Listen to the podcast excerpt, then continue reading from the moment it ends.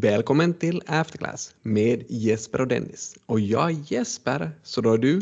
Dennis. Perfekt. Vårterminen börjar lida mot sitt slut men ännu har vi rum för ett sista AC-avsnitt. Så vad har du med för teman idag? När jag läste lite i helgen en medicinjournal igen, eller den här gången en kirurgjournal. Den heter Langenbecks Archives of Surgery, den här tidningen. Har du bekantat dig med den någon gång? Nej, brukar fokusera på de här kvalitetsartiklarna och där brukar man ju säga att desto längre namn journalen har, desto sämre är den här journalen förmodligen. Så jag skulle hellre läsa någonting som kallas Journal of Surgery, om något sånt finns. Jag hör att du är lite kritisk, men låt mig komma till vad det handlar om. Så det är en artikel av Young et al. Och den handlar om kirurger som lyssnar på ACDC. Så alltså ACDC eller bara AC? Jag tror att man kan generalisera till AC också. Och den här Young som har gjort undersökningen, den, den är Angus Young då som Nej, det, det är en men lite mer asiatiskt uttal, Yang, Y-A-N-G. Och vad kommer den här studien till då? Ja, så de säger så här att om man i kirurgisalen har hårdrock på sån här mediumvolym, till exempel den här låten Highway to Hell, så då är de här kirurgerna snabbare att utföra sån här precisionsingrepp jämfört med utan musik.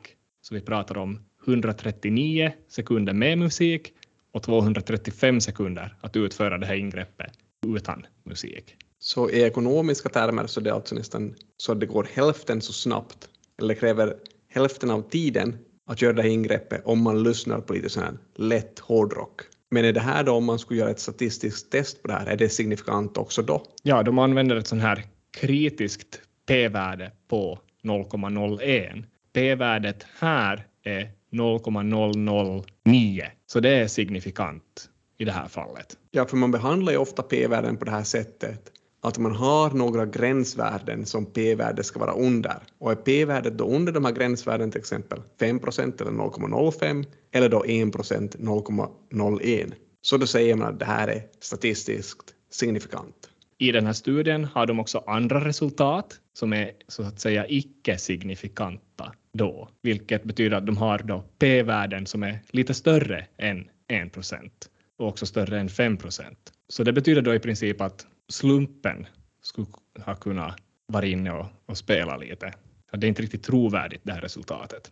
Det är ju lite intressant varifrån de här kritiska värdena kommer på just 5% och 1% Har du hört den här historien? Nej, så du får gärna berätta den. Så det var en man då, där kring 1920 ungefär, Kendall Pearson i USA. Så den här Kendall då, så hans, uh, han var en statistiker och hans intäkter berodde ganska långt på att han sålde sådana här tabeller där man kunde få fram hur signifikanta ett estimat var. Så han sålde egentligen tabeller och det gav honom intäkter.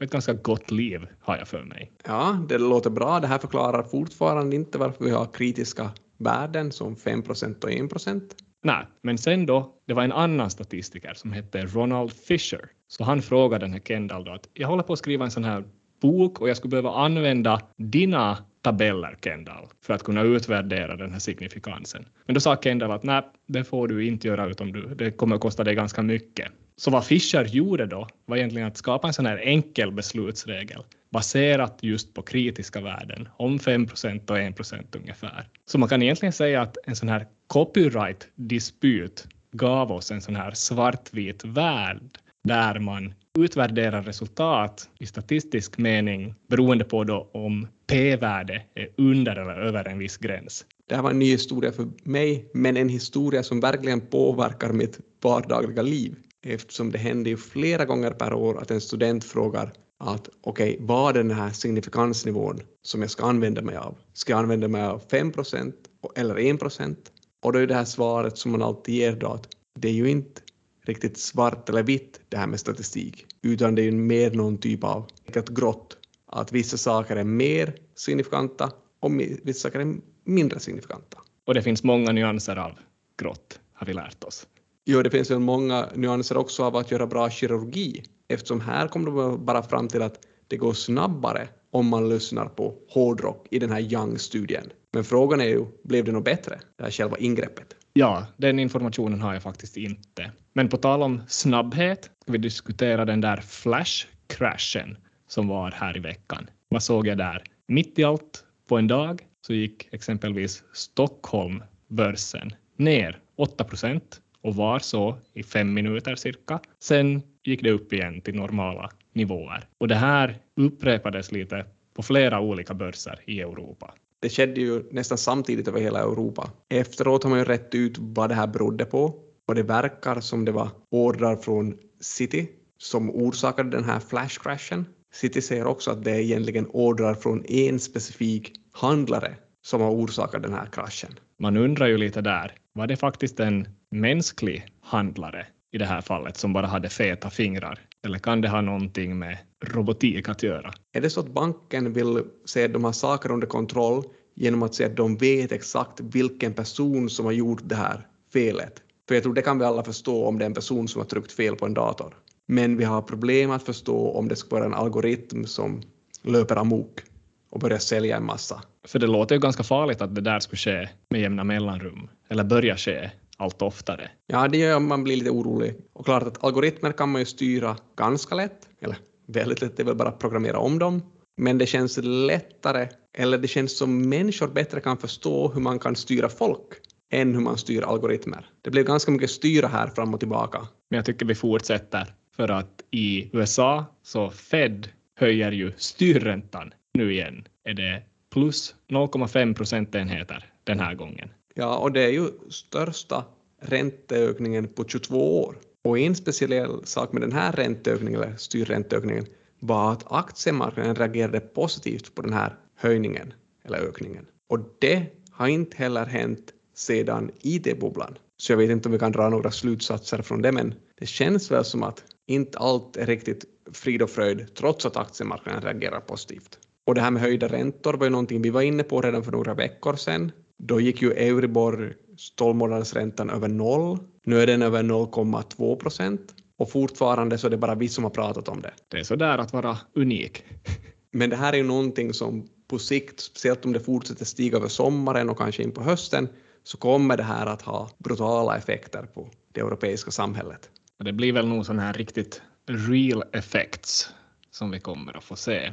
På tal om att vara brutal så jag såg en ganska brutal rubrik som fick mig att lägga morgonkaffet i fel hals.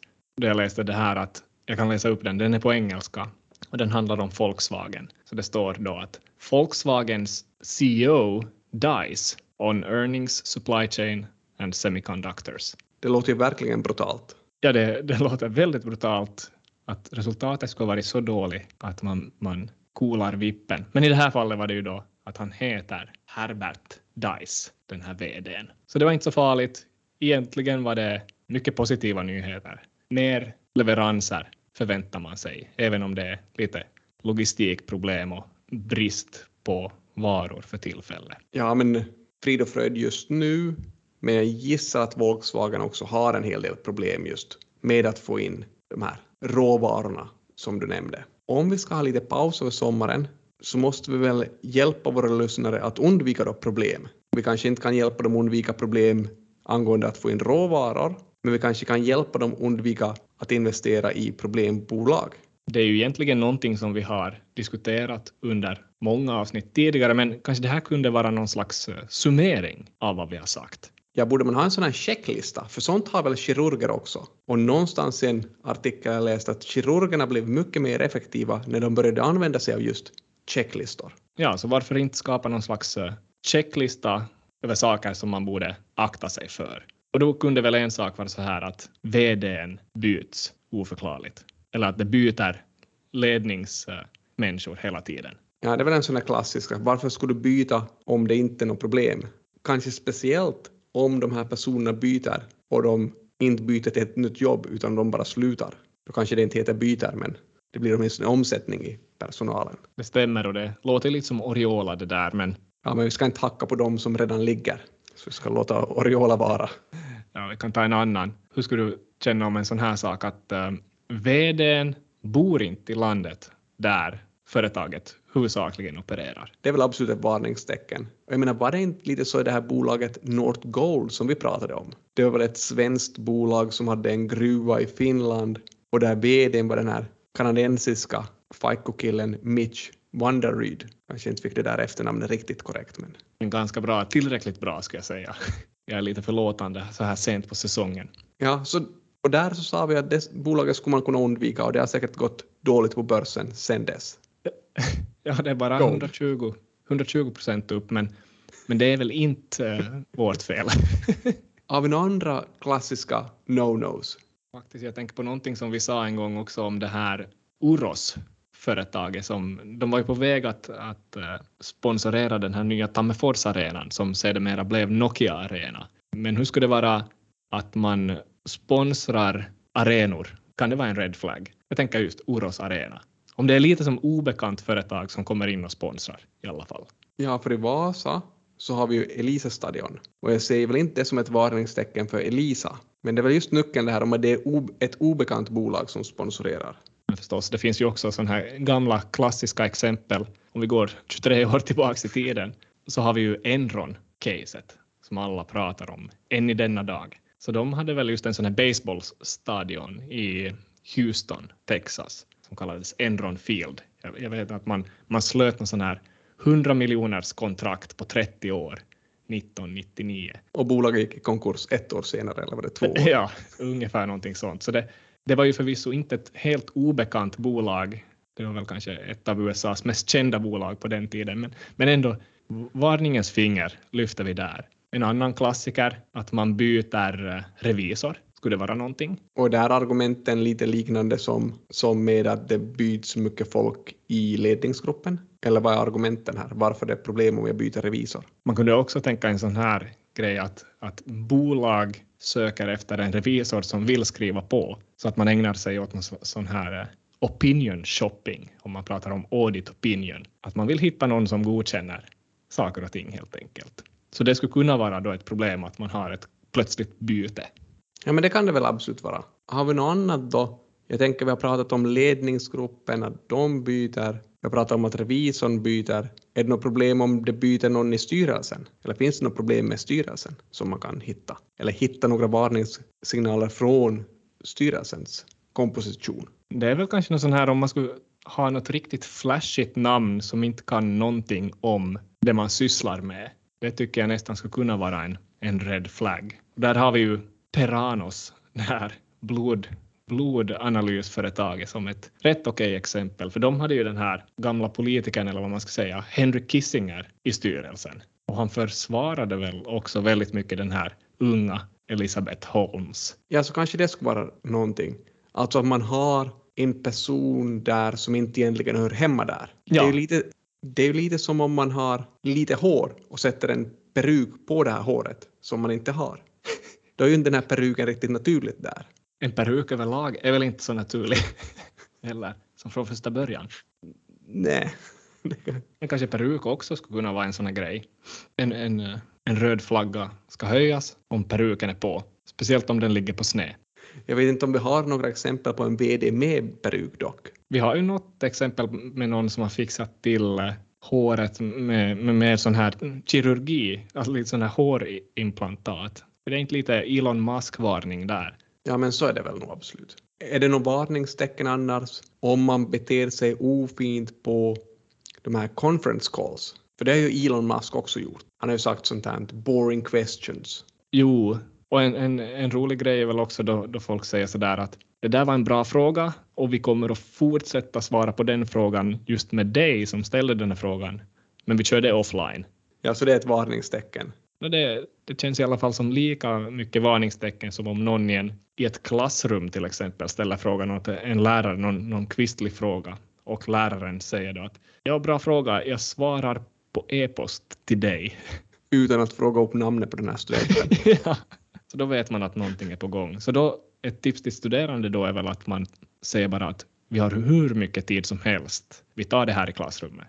Så får man se vad som händer. Kanske sticker de. Ja, vem vet. Men jag tycker att vissa av de här sakerna man nämnt har handlat om att man vill som utge sig för att vara lite mer än vad man är. Så kan det vara så att det är ett varningstecken om bolagets VD vill synas på de här rätta ställena. Har du några exempel? Nej, men jag tänker stället nummer ett som man vill vara på om man är bolags-VD är väl då i Davos på det här World Economic Forum. Ja, det är ju ett ställe för höjdare och det är ju högt i bergen också.